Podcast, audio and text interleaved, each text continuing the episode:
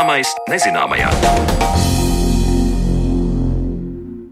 Esiet sveicināti raidījumā Zināmais nezināmajā. Turpmāko stundu ar jums kopā būšu es Sandra Kropa, un šodien mēs parunāsim par vēsturi. Raidījuma otrajā daļā tiksimies ar 2020. gada vēsturnieku. Lūkosim, kas tad ir nonācis viņa pētījuma uzmanības lokā, un runāsim arī par to, vai vēsturē var būt nērtās pētījuma tēmas. Bet līdz tam ielūkosimies Latvijas Nacionālā vēstures muzeja radītajā digitālajā materiāla krātuvē.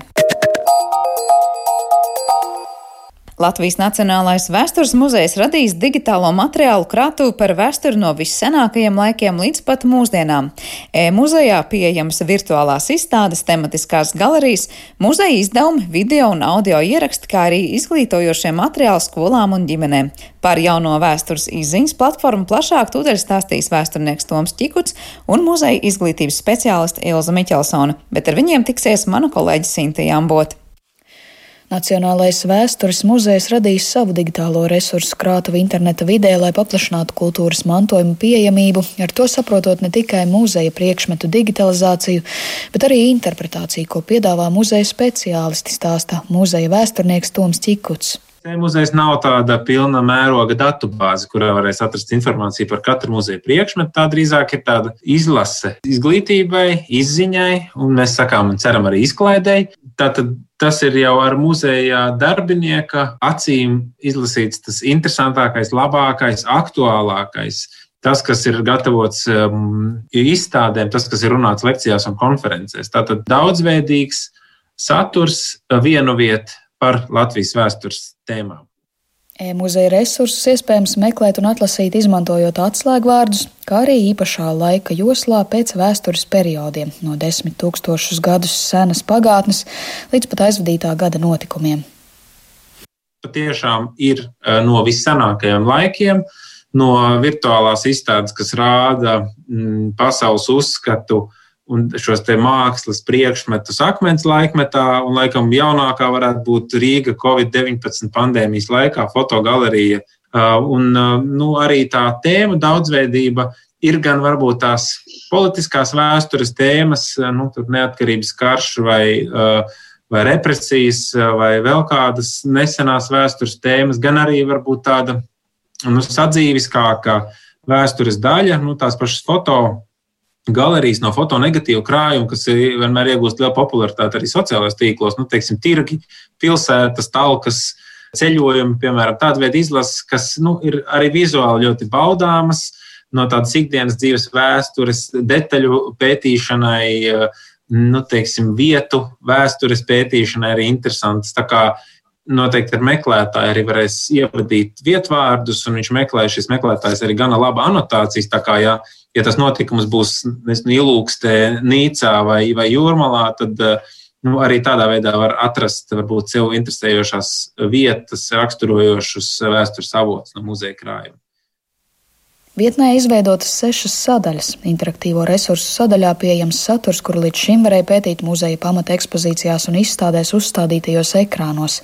Tikmēr galerijas sadaļā apkopoti skaistākie muzeja priekšmeti no numismātikas, vēstures, arheoloģijas un etnogrāfijas krājumu kolekcijām. Turpina muzeja speciālisti Ilza Miķelsone. Runājot par galerijām, tur vēl ir paslēpusies tāda ļoti interesanta lieta, kas mūsdienu cilvēkam ir līdzi paņemama vietierīcē, planšetē vai telefonā, proti uh, Google Maps maršruti. Uh, ir Bermudiādas maršruti, kur var izstaigāt Pārdaugavu, Vecrīgu, Bulvāru loku, skatoties, kā bija pirms uh, vairāk kā simts gadiem, Bermudas laikā, 1919. gadā, un kā šī pati vieta izskatās mūsdienās, gan fotografijā, gan pašiem ar acīm redzot.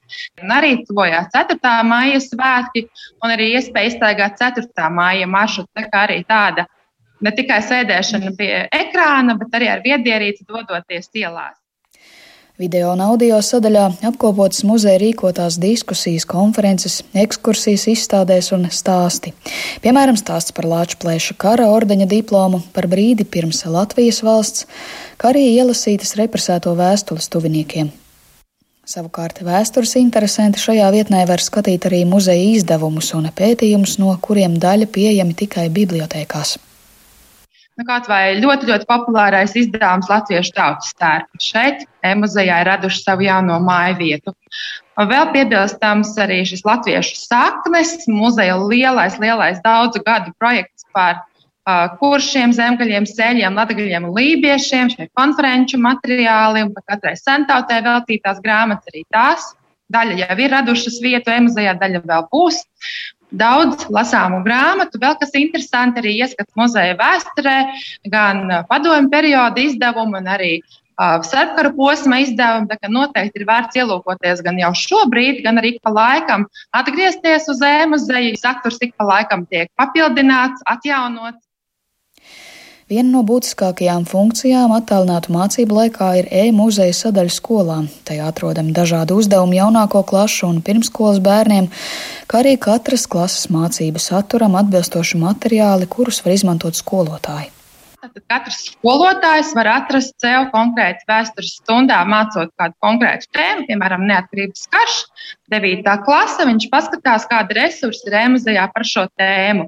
Bet tas ir arī lielisks palīgs vecākam, vai arī jau no vecākā skolas vecuma, 8. un 9. klasē un vidusskolē, ka jaunietis pats var ieiet šajā e-muzejā un paskatīties, kā viņš varētu papildināt to, ko ir mācījies skolā, vai varbūt kaut ko ir iekavējis attālināto mācību laikā, un kā vēl iemācīties kādam svarīgam eksāmenam vai diagnosticējošam darbam 9. klasē.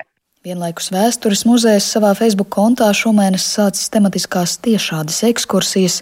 No muzeja kopjas stādes Latvijas gadsimts. Muzejs sola, ka izstāde kopā ar tās kuratoriem līdz aprīļa beigām varēs iepazīt no vairākiem līdz šim vēl neizceltiem skatpunktiem. 16. martā Ekskursija būs veltīta tēliem un simboliem, kas ir iemiesojuši Latviju gadsimtu garumā, no sarkanvalda sarkanā karoga, mm, lāčplēša tēla vai etnogrāfiskajām uh, zīmēm un tautiskajam stilam. Tātad tas ir tas, ar ko mēs asociējam Latviju, un to vadīs mākslas vēsturniece Ginta Gerhardt Dupeniece no Nacionālā mākslas muzeja un uh, Cēlā vēstures mākslas muzeja speciālists vēsturnieks uh, Tāls Pumpuriņš.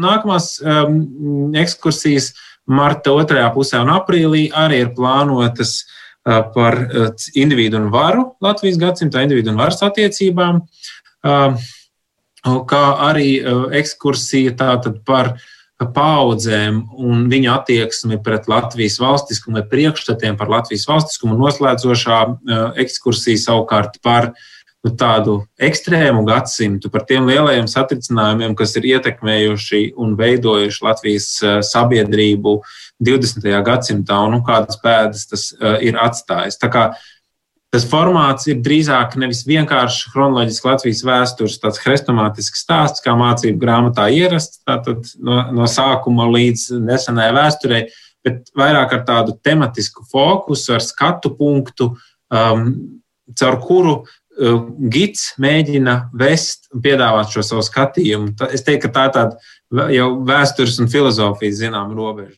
Toms Čīkuts papildina, ka jaunā digitālā krātuve nevar pavisam atsvērt klātienes muzeja apmeklējumu gan tiem, kas par vēsturi stāsta, gan tiem, kas to grib izzināt. Kā jūs jūtaties par nākotni, vai tā ir nākotne, ka viss būs eh, šajā e-vidē arī eh, muzeju dzīvē, vai tomēr ir kaut kādas neatņemamas, neatsveramas daļas, vai joprojām tajā arī fiziskajā muzeja apmeklējumā? Nu, pilnīgi noteikti, ka ir eh, ārkārtīgi liela loma un paliks.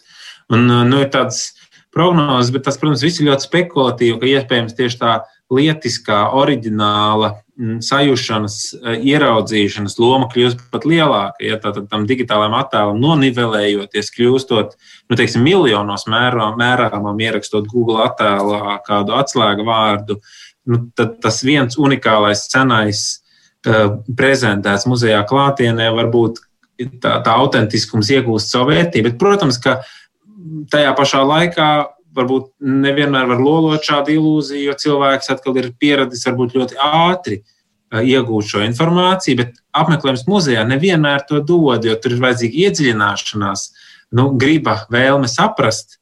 Pat tad, ja tu esi atnācis līdz muzejam, ar to vēl nepietiek. Ja, tad tev ir jāļaujās tam stāstam, kas tiek stāstīts. Tā kā es domāju, ka nu, tāda divējāda sajūta par šo oriģināla lomu un klātbūtnes lomu nākotnē. E-muzejs pastāvēs arī tad, ja muzejs būs vaļā, jo patīkami ir tas, ka muzejā kaut kāds priekšmets ir raisījis interesi, un e-muzejā tad var skatīt vēl vairāk un vēl padziļināti pētīt šo priekšmetu vai tēmu. Tā ir tā lielā e-muzeja vērtība, ka šīs lietas var pastāvēt paralēli, gan virtuālais muzejs, gan reālais muzejs. E-muzejā pastāvīgu vietu radusi arī 2017. gadā izveidotā sabiedrības iesaistes platforma Gadsimta albums, kurā vairāk nekā tūkstoši iedzīvotāji pievienoja savu ģimenes fotografiju un stāsta par to. Platformai arī turpmāk varēs pievienot jaunas vēsturiskas liecības. Pār jauno vēstures e-muzeju stāstīja Nacionālā vēstures muzeja pārstāvi Toms Čikuts un Ilza Miķelsone, un ar viņiem tikās mana kolēģe Sintīja Ambote. Bet ar 2020. gada vēsturnieku mēs tiksimies Redījuma turpinājumā.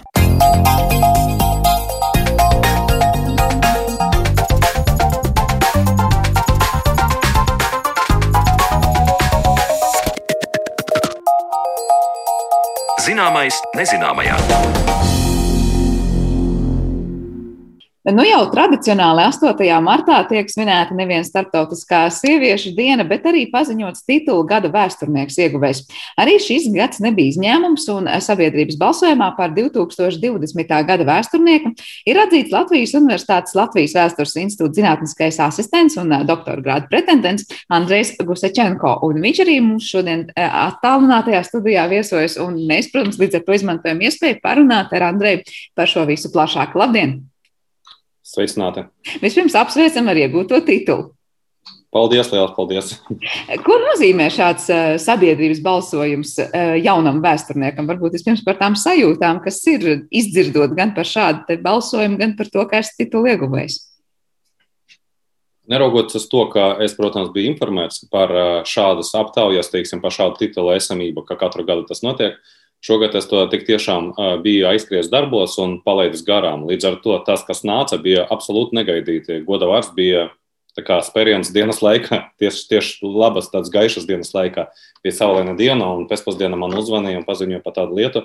Es sākumā pat mani iekšā mitinājās tādas divas sajūtas. Viena, protams, tāds pacelāts prieks, otra mazliet apmulsums, jo Es nebiju, nebiju, nebiju par to pat domājis, ja godīgi. Bet tas ir tāds notikums vispār vēsturnieku aprindās, nu, ko katru gadu, nu, tad cits citam paskatās, kurš ir iegūmis šo titulu, vai tas ir tāds, tā kā, nu, nezinu, sabiedrības atbalsta sajūta, vai, vai kas ir, vai tas ir vēsturnieki savā starpā ir vienojušies, kurš ir tas mūsu cums. Būtībā, būtī, būtībā tas ir eh, konkurss, kas eh, neierobežo cilvēku līdzdalību, cik es saprotu. Protams, tajā ir arī eh, pietiekoši liels vēsturnieku īpatsvars, profesionāļu īpatsvars. Un uh, arī interesanti bija tas, ka uh, iepriekšējo gadu uh, šo titulu ir guvis Eriks Iekapsons, profesors Eriks Iekapsons, kas ir manas disertācijas zinātniskais vadītājs. Sanāk, ka šogad saņem faktiski to pārējošo balvu, pārējošo kausu, pārējošo pudeli šajā, šajā, šajā kontekstā no, no viņa rokām. Jā, protams, sabiedrībai tā ir pietiekoši liela rezonance starp vēsturniekiem. Jā, tas arī ir zināms notikums, protams, bet tas, tas, protams, nav akadēmiskais vai tāds zinātniskais, zinātniskais, zinātniski, zinātniski institucionalizēts tāds notikums, bet jebkurā gadījumā noteikta rezonance tam piemīt. Jā, nu tas vien parāda, ka darbojaties pie kaut kā, kas ir interesanti arī citiem. Jūs vēl piesaucāt savu disertāciju. Jūsu disertācija ir par Krievu pret bolševiku kustību Latvijā no 20. līdz 40. gadam. Varbūt pastāstiet, ko jūs īsti pētat un kāpēc? Jā, tieši tā. Mana disertācija tā arī saucās. Krievu pretbolševiku kustībā, nu, pieņemsim, starpkaru Latvijā kā mēs to šo posmu devējam, lai izvairītos no skaitļiem, vienkārši lai visu laiku neatkārto skaitļus. Tātad te mazliet ir jāpastāsta teiksim, tādu priekšvēsturi. Faktiski pēc pilsoņu kara iznākuma, kad Baltijas spēki, arī pretbolševiku spēki, ne tikai Baltijā cieta sakāvi Krievijā, ne tikai Krievijā, arī citas valstis, kas pēc tam bija, bija, bija anektētas un inkorporētas arī Krievijas padomju Krievijā un pēc tam padomju Savienībā. Uh, Daudzi cilvēki, kas pārstāvēja šo balto kustību, respektīvi opozīciju un pretbolševiku spēkus, bija spiest emigrēt. Un šī emigrācijas vilnis, šis emigrācijas vilnis, viņš sasniedza aptuveni pusotru miljonu, pat līdz diviem miljoniem, kā, da, kā dažādas aplēses ir minēts. Un īsā laikā bija izmitināts pa visu pasauli, respektīvi vairāk kā 50 pasaules valstīs, arī tā skaita Latvijā. Ņemot vērā to, ka bolševiku ideoloģija balstījās uz šķiriskas, cīņas principā, cilvēki, kas nonāca ienaidnieku kategorijā, bija ārkārtīgi plašs sabiedriskais sektors, protams, inteliģence, garīdzniecība, uzņēmēji, arī zinātnieki, zināmā veida, protams, arī baltie virsnieki un karavīri, kas karoja Baltijas armijās. Līdz ar to nonākot svešotnē, šai emigrācijai piemīta tāds augsts izglītības, izglītības potenciāls, tāds augsts kvalitatīvais raksturs. Līdz ar to emigrācija bija īsā laikā, viņi kļuva ļoti aktīvi ne tikai tāda, pieņemsim, pretbolševiku kustības jomā, kaut kādas, teiksim, revanšistiskas kustības jomā, kas arī bija, jo armija faktiski tika, tika saglabāta, tā struktūra tika saglabāta, bet arī kultūras jomā, izglītības jomā. Un uh, bija nodibinātas kā universitātes, tā arī daudzas uh, Krievijas skolas, institūcijas, um, arhīvi, uh, dažādas pētnieciskas iestādes, uh, tad uh, attiecīgi teātri, operas pat un uh, dažādas skolas, kas saistas ar to ārzemēs, tādu papildus impulsu, papildus attīstību guva arī māksla un, protams, arī pretbolševiku kustība. Pretbolševiku kustība kā tāda, tas, bija, tas bija tāds fenomens, kas sevi ietvēra revanšistiskas tieksmes, teiksim, Krievijas pilsoņu kara turpināšanas tieksmes starpkara posmā. Viņu vadīja bijušie balti virsnieki, bijušie pretbolševiku kustības, pretbolševiku eh, nometnes pārstāvji, un ņemot vērā emigrācijas tādu plašu izmitināšanas areālu, ko mēdz devēt arī par ārzemju Krieviju, kā, teiksim, reālu dzīvu alternatīvu padomju uh, variantam. Uh, viņi eksistēja un darbojās visā tajā areālā, tā, tā skaitā arī Latvijā. Ņemot vērā to, ka uh, vispār Latvijas demokratiskas valsts būtību un brīvus kontaktus arī ar ārzemēm, ar Krievu emigrācijas centriem Eiropā, Rietumē Eiropā un Balkānos, tas saiknes, slepenas saiknes saglabājas arī visu starpkara posmu, neraugoties uz to, ka oficiāli šīs organizācijas Latvijā bija aizliegtas. Tas ir pamatojoties uz miera līgumu ar Padomju Savienību 20. gada 11. augustā. Līdz ar to šī kustība ietver sevi ne tikai tādas militāras tieksmes, bet viņa bija nesarojami saistīta arī ar Krievu, Krievu minoritāti Latvijā, ar tās dažādām izpausmēm, kā sociālā ziņā, tā arī kultūras ziņā. Arī, protams, ar emigrāciju, un tas ir tas ļoti interesants, ļoti interesants moments, ļoti interesants aspekts, kas ir ārkārtīgi pievilcīgs pētniecībai, jo viņš nav izolēts. Viņš saistās arī ar citām izpausmēm, līdz ar to pētot konkrēti šo lietu, es saskaros un esmu patīkami spiests pētīt arī citas, teiksim, um, krievu minoritātes un krievu emigrācijas izpausmes Latvijā un ne tikai Latvijā. Kādas ir šīs emigrācijas izpausmes? Tas ir tas, ko viņi dara šeit, atbraucot, vai kādu nu, lomu nospēlē kaut vai šīs teritorijas, tur nezinu, attīstībā vai at, neatkarībā. Būtībā uh, Latvijā, teiksim, atkarībā no uh, citiem krievu, um, teiksim, apdzīvotiem areāliem Eiropā, pieņemsim, kā Francijā vai Vācijā, Krievu emigrācijas īpatsvars bija diezgan zems, jo te eksistēja arī sava gadsimtam izveidojusies arī Krievu kopiena. Tajā pašā laikā, kad Rietumē Eiropā, tas kopienas faktiski nebija. Bija, un, ja mēs runājam par Krievu sabiedrību, mēs runājam tikai par emigrāciju.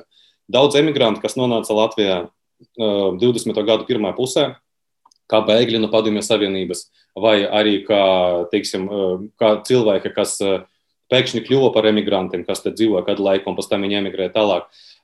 Viņi Latvijā bija tādas dažādas, teiksim, emigrantu nosacītas kategorijas, kas Latvijā palika visa starpkara posmā un pēc tam integrējas vietējā sabiedrībā. Un bija arī cilvēki, kas vienkārši Latvijā padzīvoja vairākus gadus un devās prom. Citi faktiski Latvijā uzturējās tikai neilgu laiku, teiksim, ja tā nos, no, metaforiski tu varētu nosaukt, eh, nosaukt kā, teiksim, kā tāda viesnīca, kur uzkrājot spēkus, doties tālāk uz rietumu emigrācijas centriem.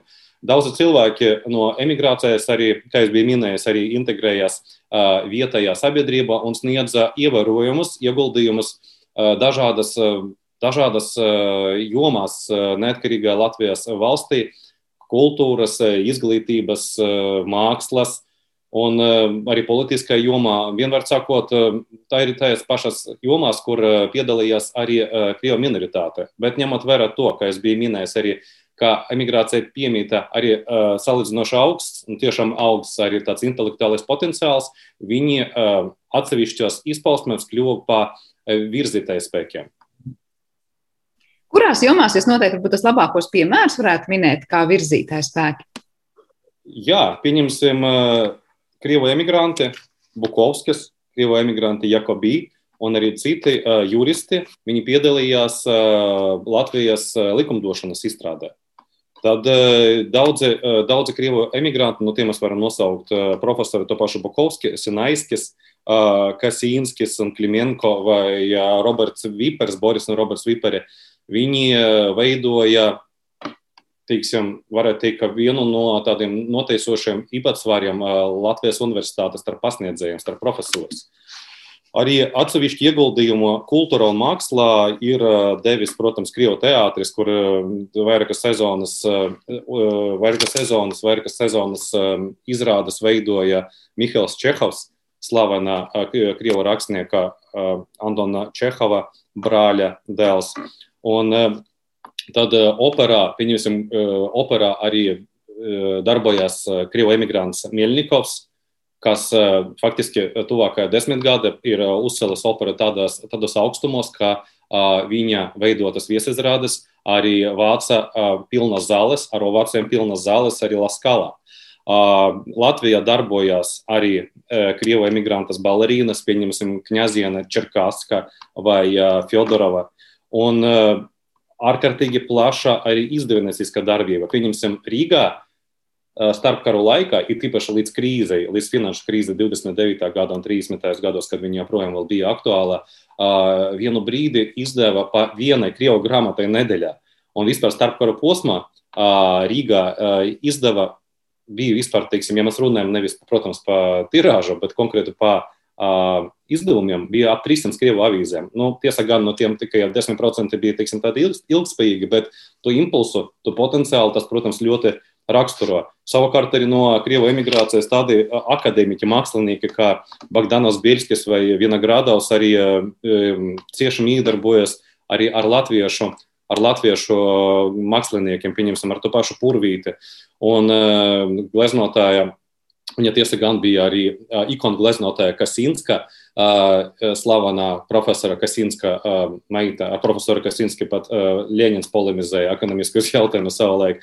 Viņa kļuva par ārkārtīgi slavenu ikonu, ikonu gleznotāju, bet jau, varētu teikt, 30 gadu otrā pusē un pēc kara. Tādā ziņā, protams, tas ir ļoti, ļoti vispusīgi, ko es tikko minēju, bet uh, pat te var redzēt, teiksim, ka tas ieguldījums, tas kvalitatīvais raksturs, kvalitatīvais vektors, viņš iezīmēs pietiekoši pietiekoši dziļi. Bet kāda bija tā varbūt nu, miedarbība un attieksme no, no tās vienkāršas pārējās sabiedrības šeit, vietējās, kurā ieradās šie cilvēki? Eh, viņi tiešām tika uztverti kā, kā pienesums, vai kā draugs, vai kā ienaidnieks, vai, vai kāda, cik mums ir daudz zināms par to, kā sabiedrība vienā pusē uztver tos, kas iebrauc, un kā savukārt viņi uztvēra šejienes vidi. Ir interesants, teiksim, tāds avots, ka, lai varētu uh, saprast sabiedrības barometru, ir saraksta, ko, ir saraksta kas, kas ir saglabājusies, kas ir saglabājusies Amerikas arhīvos, Amerikas arhīvu fonda, ja nemaldos, Stanforda Universitātes Hoovera arhīvā. Saraksti, pieņemsim, ko savā starpā sarakstās slavenā Krievu karavādoņa Piotra Vrangeļa māte ar vietējas, ar vietējas Krievu kopienas, teiksim, vienu no līderiem, Kņazi Anatolu Līvenu. Un Līvens šais Vestelis raksta, ka uh, sabiedrība, pieņemsim, tādā ikdienas kontekstā izturas ļoti labvēlīgi pret krievu emigrantiem, ņemot vērā arī to, ka pavisam nesen bija tas impērijas posms, ka tāds krievu emigranti jūtā, jūtas ļoti labi tā, tādā jomā, kā viņi var brīvi, brīvi runāt krieviski. Tas, protams, nospēlē arī zināmā veidā tādu lašu pakalpojumu 30. gados. Tajā pašā laikā, ka viņi var izpausties dažādas jomās. No otras puses, no valdības nav absolūti nekādas pretimnākšanas, un uh, ir salīdzinoši grūti iekārtoties kā ne tikai darbā, bet, teiksim, gūt arī kaut kādu tādu, teiksim, tiesisko patvērumu. Līdz ar to, protams, kā jau emigrants, jebkura valstī viņš jūtas iespiests dažādas jomas, kas sakot no finansiālas jomas un beidzot ar tiesisko. Tas, protams, tā nav viņa valsts, viņš ir morāli, morāli ir sakauts, jo viņš ir bijis spiests pamest arī savu dzimto zemi. Bet ikdienā starp cilvēkiem bija pietiekoši labas attiecības, uz ko norāda arī vairāki avoti. Protams, ja mēs lasām preses slējas, attiecīgas, attiecīgas preses, attiecīgu politisku strāvojumu, prese dažādi to atspoguļoja. Bet lielākoties starp vietējiem iedzīvotājiem, starp latviešiem un emigrantiem nebija nekādas lielas konfrontācijas. Es pat varēju teikt, ka ir tīpaši sākumā varbūt pat konfrontācijas iezīmēs starp vecticībniekiem un pareizticīgiem. Teiksim, starp vecticībniekiem, kas te dzīvoja jau gadsimtiem, un pareizticīgiem, kas bija iebraukuši. Arī konfrontācijas negluži tādas atklātas, ja vai tur fiziskā kaut kāda mītdarbība, bet konfrontācijas arī bija tajā, kā Latvijas uh, iedzīvotāji Ir tiepaši 20. gada, 20. gada pirmā pusē bija vismaz puse no viņiem, pat vai, atvainojos vairāk, kaut kāda procenta, 75, dzīvoja Latgalē un būtībā piederēja pie maz izlietotas zemnieku masas. Un ja uh, viņam blakus nostādītu profesoru vai, teiksim, virsnieku uh, vai uh, cilvēku uzņēmēju vai garīdznieku ar augstāku izglītību, protams, viņi savā starpā nesaprātās. Un līdz ar to atvēršanās plaisa bija vēl lielāka. Bet, lai tas ietekmētu, teiksim, ārkārtīgi spēcīgi iedragātu miedarbību, tā nebija. Bet, nu, protams, viņiem šeit kaut vai valodas dēļ bija vieglāk varbūt nekā, nekā citviet. Vai tā sajūta atbraucot šiem cilvēkiem uz tā brīža Latvijas teritorija, vai viņiem eh, bija tā sajūta, ka mēs aizbraucam tā kā nu, uz kaut kādu turpinājumu Krievijas impērijai bijušai, un te ir vēsturiski mūsu kaut kāda piederība, un mēs tā kā uz savu apgabalu, vai viņi tomēr nu, pieņēma to, ka tā jau un tajā brīdī neatkarīga valsts, un, un, un tā kā tas viņu pasaules redzējums, kā, kā ietvēr šo teritoriju? Uh, ziniet, tas ļoti interesants jautājums, kā bija minējis, ja nemaldos, Abizovs bija tāds pētnieks, Krievu ļoti, ļoti, ļoti plaši pazīstams. Viņš bija rakstījis, ka iebraucot Latvijā, Krievi, teiksim, liel, no, no Lielkrievijas Krievi nomainīja imperisko kompleksu pret minoritātes kompleksa. Līdz ar to viņam, protams, bija ārkārtīgi grūti vispār pielāgoties tai domai kā tādai. Pirms tam taču uh, valstiskums balstēs uz trīs vaļiem pareizticība, tautiskums un, un, un patvaldība. Ja? Un līdz ar to sagrauj, bija pilnīgi, visi trīs vaļi bija nogrimuši tādā ziņā, ka viņiem pilnīgi nav nekādas aizbildniecības un tā tālāk. Un tad cilvēki, kas dzīvo šādās paradigmās, iebraucot Latvijā, kas faktiski ir pat saglabājusi vēl uh, to simboliku atsevišķās vietās, arī, teiksim, Krievu valoda vēl bija uh, līdz pat 20. gadam, man liekas, 23. gadam, vai pat varbūt pat vēlāk, bija vēl liela nosaukumi, arī vēl krieviski bija, eh, veci krievu nosaukumi, ielu nosaukumi bija.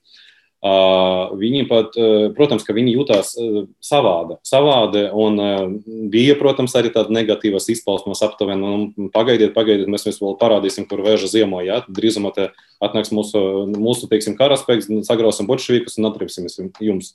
Protams, bija daudz cilvēku, arī, kas novērtēja, ka viņi vispār var te dzīvot, jo dzimtene viņus ne tikai negaida, bet dzīve, dzimtene viņus gaida NKVD teiksim, kameras un, uh, es atvainojos, OGPU un tā tālāk, čekas un, uh, un nošaušana. Līdz ar to viņi vērtē pareizi novērtēja teiksim, iespēju, kā patvarumu, kur viņi var brīvi paust savu viedokli, uh, arī pielietot valodu un galu galā arī cilvēki.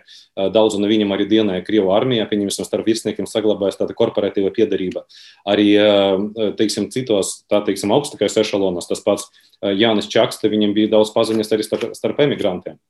Un viņš daudziem sniedz arī rekomendācijas vēstules lai pēc tam viņi varētu iekārtoties darbā un pašam sanāca, sanāca iepazīties ar šīm vēstulēm. Vai, pieņemsim, Jāzep Vitols arī aicināja Krievu izpildītājus, kas pēc tam arī dzīvoja Latvijā, tas pats Arbieņins, vai arī, kā es biju minējis, teiksim, Purvītis bija pazīstams arī ar Bagdano Bielski un tā tālāk kā viņi attiecās pret Latvijas valstiskumu, nu, dažādi. Laika gaita, protams, teiksim, tas rīvēšanas kaut kādas mazinājās, bet, lai tas um, atsevišķos momentos, protams, izpaudās arī tādos atklātos izvirdumos, bet tas nekad neīzīmējas, teiksim, kaut kādās tādas sadursmēs vai ārkārtīgi plašās negācijās. Bet jūs sarunas sākumā teicāt, ka nevar salīdzināt ar to emigrācijas nu, vilni, kas tur nonāca Francijā vai Vācijā. Sanāk tā, ka Latvijas teritorijā viņu bija mazāk šo emigrantu salīdzinot ar tām. Jā, tieši tā, krietni mazāk bija. Bet liekas, tā ir vistuvākā valsts, kurā patiesībā pat vēl daļēji viņi tiešām jūtas kā mājās. Kāpēc tā? Kāpēc nebija daudz lielāks pieplūdums uz Latvijas teritoriju no šo emigrantu puses? Teiksim, rietumu centri, rietumu centri kā tādi, tur bija vairāk emigrantu, viņi tur vairāk justos, ka, justos starp savējiem. Jo, kā es arī biju minējis, teiksim, vietējie, vietējie zemnieki, arī teiksim, tas jaunais Latvijas valstiskums, viņam, viņam tas bija svešs. Ja Francija kā tāda, viņa pastāvēja kā valsts. Viņi zināja, teiksim, ka tā ir Francija, tur, teiksim, tā ir Vācija. Mēs zinām, kas tur notiek, kāda procesa tur notiek. Latvijā tā, teiksim, tā ekonomiskā situācija nebija no spožākām, tas ir viens. Otrs, ka viņi nejūtas kā mājas, un arī es pieļauju, ka arī jūta teiksim, tādu kaut kādu nospiedumu, ka viņi dzīvo it kā savā bijušajā valstī, bet tajā pašā laikā viņi, dzīvo, viņi ir spiesti pakļauties citiem likumiem. Uh, valdībai, teiksim, ko viņi tā līdz galam arī varbūt neatzīst. Un galu galos arī viņu, teiksim, tur ciņu biedri un tā tālāk, viņi visi devās uz Franciju, un tur varbūt arī bija vairāk iespējas iekārtoties. Eh, es saprotu, ka arī pētot šo tēmu, par jums ir teicis, ka jūs esat viens no tiem jaunajiem vēsturniekiem, kurš pēta arī tādas varbūt nērtās vēstures tēmas vai maz izzinātās Jā. vēstures tēmas. Vai jūs nosaukt šo par nērtu pētīšanas objektu vai, vai tēmu, par kuru nu, ir nērti runāt? Nu, ziniet, paldies Dievam, ka mēs dzīvojam tiksim, demokrātiskajā valstī, mēs brīvi varam paust savas domas. Līdz ar to uh, nav tā, ka uh, man būtu bīstami runāt par šādām tēmām. Ir, protams, atsevišķi momenti, pieņemsim, ka uh, kā starpkara laikā, tā arī pēc tam arī pat mūsdienu publikācijās, mūsdienu pat zinātniskajās publikācijās, starpkara pieņemsim tādas pretbolševiku aktivitātes devē par monarhistiem kas, kas teiksim, uz 80% nav patiesība. Tāpēc, ka uz monarhiskas platformas faktiski viņi nestāvēja. Bija, protams, daudz cilvēku, kas uh, uzskatīja, ka patvaldība ir teiksim, tāds balss kā tāds, bet uh, pretbuļšoju organizācijas bija satversmes sapulces sasaukšanas platformas. Respektīvi, vajag saprotināt bolševiku uh, diktatūru, sasaukt satversmes sapulces, un tā arī noteiks nāko, Krievijas nākotni kā tādu. Plus vēl daudz vien nezinu to faktu, ka 26. gadā Parīzē notika tāda liela sapulce emigrantu, kurā, kura bija pieņemts pat tas lēmums, ka teiksim, tās valstis, kas ir jau nodibinātas, ka ir jāatzīst viņa neatkarība. Un, protams, kā krieviski saka, pēc, pēc kauteņa ar dūriem vairs nevīcinās. Ja viņi to būtu pieņemuši 18. un 19. gadā un noteikti to deklarējuši, tad viņi gūtu arī ārkārtīgi lielu atbalstu pilsoņu karā. Jā, tad dažādas citas lietas, pieņemsim, ko es arī biju minējis citas intervijās par uh, Um, Krieva līdzdalību Latvijas neatkarības karā, ko uzskata aptuveni, ka viņi šā vai tā viņi bija monarhisti vai kas tam līdzīgs, Latvijā, Latvijā naidīgi, bet uh, es vienmēr uzsveru, ka varbūt arī viņi bija monarhisti, bet uh, viņi arī lēja savas asinis un karoja kopā ar latviešiem pret bolševikiem. Tad cilvēki man teica, jā, re, kur Bermons arī bija baltais un tā tālāk. Tad es parasti jautāju, cik daudz viņš lodas ir izrādījis uz bolševiku pusi. Es varu pieļaut, ka varbūt vienu dejojot gaisā. jo būtībā Bermons nebija, nebija pretbolševiks. Viņš bija pretbolševiks ideoloģiski, bet eh, neko viņš nav, nav, nav viņš karojis ne Baltijas armijas, ne cīnījies pret bolševismu. Viņš ir vienkārši iestrēgis te Latvijā un uh, pauda ārkārtīgi šovinistiskus uh, lozungus. Ar viņu pat pēc tam dēļ viņa nodevības cita konteksta, ka viņš nesteidzās palīdzēt Juģēničam Petrogrādas ieņemšanā, ar viņu pat emigrācijā daudz cilvēku nesveicinājās, uzskatīja viņu par nodevēju. Protams, par to arī ļoti maz tiek runāts, taču vēl kopš 30, 20 gadiem tiek kultivēts teiksim, tas Bermuda negatīvais tēls. Viņš ir asociēts arī ar balto emigrāciju, ar pretbolševikiem. Respektīvi, tos devēja par monarhistiem, reakcionāriem, melncemtniekiem un tā tālāk bieži vien aiziet tāda absurda, ka pa melnsamniekiem, pieņemsim, te pašu starpkara laikā sociāldemokrāti devēja pat uh, atsevišķus pretbolšvīkus, kas bija pat uh, ar ebreju saknēm, kas, ir, kas galīgi savā starpā jau neiet nekādīgi. Vai jūs teikt, ka šajā nu, pētniecības laukā, ja tā var teikt, ir daudz mītu, ko mēs šobrīd vēl kultivējam, vai stereotipisku tādu vērtējumu par to, kas bija šie cilvēki un kādu lomu viņi spēlēja? Ir, ir vairāki stereotipi, varbūt viņus arī varētu devēt par mītiem, pieņemsim, par, par šo cilvēku lojalitāti. Viņus devēja arī par, par naidīgiem cilvēkiem, kas tur nākotnē redzēs savādāk un tā tālāk. Bet tas naidīgums, vai tas ir naidīgums, ja cilvēks vienkārši skumst pēc pazaudēt, vai viņš skumst, teiksim, pēc kādreizēs Krievijas varonības un viņš saņem ziņas no, no, no turienes, ka notika kolektivizācija, notika sarkanais terors un tā tālāk. Un viņš, protams, pēc tā skumst, bet viņam nav alternatīvas. Pieņemsim, ja latvieši, kad bija trimdā, viņi, protams, ar lielām. Ar lielām uh, skumjām arī atcerējās Latvijas demokratisku valstiskumu, un Krievijai šai ziņai nepaveicās. Un, uh, viņus arī, kā es arī biju minējis, devē pa monarhistiem, pa monarhistiem un arī par, teiksim, par Latvijas uh, naidīgi noskaņotam cilvēkiem, kas, protams, uh, nebija patiesa. Arī par starpkaru krievu minoritāti tie stereotipi, viņi brīžiem ir tik ļoti smieklīgi, tīpaši savā konfrontācijā, kā to, teiksim, krievu, krievu minoritāti, krievu sabiedrību no vienas puses mēdz devēt par monarhistiem, no otras puses mēdz devēt par komunistiem. Tā kā nu, vajadzētu jau saprast, kas ir kas. Jo tie ir absolūti savā starpā um, konfliktējuši un komplektējuši tādi iedzieni. Kur ir tie jautājumi, uz kuriem noteikti jūs vēl vēlaties atrast atbildes šajā pētījuma laukā? Kas jums ir tās lielās vēl mīklas vai tuvākie mērķi? Nu, es, protams, gribētu vēl ar vien dziļāk iedziļināties savā pētījumā, jo teiksim, jo, jo, jo es vairāk, jo es vairāk teiksim, virzos, jo es vairāk arī atklāju dažādas interesantas, interesant, interesantas jautājumus, kas līdz šim vēl nebija atklāti. Viņi tādi ļoti specifiski, es domāju, ka, ja cilvēkiem tas interesē, varētu atrast mani internetā un palasīt manas rakstus, publikācijas. Un, pieņemsim, ja mēs aplūkojam vispār, teiksim, krievu minoritātes vispār Krievijas sabiedrības problēmu starpkara laikā, es varētu varbūt tā iezīmēt dažus virzienus, kas vēl nav guvuši pienācīgu atspoguļojumu historiografijā. Pieņemsim, mums nav, joprojām nav monogrāfijas, kas, kas varētu būt veltīta konkrēti um, Krievo imigrācijai Latvijā. Citas valstis, citas valstis ir, bet mums pagaidām nav. Tad, pieņemsim, ļoti interesants, ļoti interesants varētu būt pētījums, kas būtu veltīts Krievu politisku partiju veidošanai impērijas norietā. Mums ir, mums ir dažādi raksti, kas apraksta pilsoniskas partijas, bet mums nav rakstu, kas, atbalsta, kas apraksta kaut kādas, teiksim, labais partijas, vai tieši otrādi, pieņemsim, kreisais partijas, kā sociāla revolucionāri vai Krievijas sociāla demokrātija, kas te veidojas arī. Vai, teiksim, arī nav mums tādu pētījumu par Krievu ārstu, skolotāju un zinātnieku ieguldījumu, kas arī varētu būt tāda monogrāfija, pat varbūt kolektīva monogrāfija. Uh, sociālās izpausmes, arotbiedrības un dažādas organizācijas arī varētu izpelnīties godu būt iekļautiem uh, grāmatā. Un uh, arī starpkara laikā, teiksim, uh, kreisā spēki un krievu līdzdalība kreisajos spēkos, teiksim, es domāju, arī varētu būt ļoti interesants pētījums.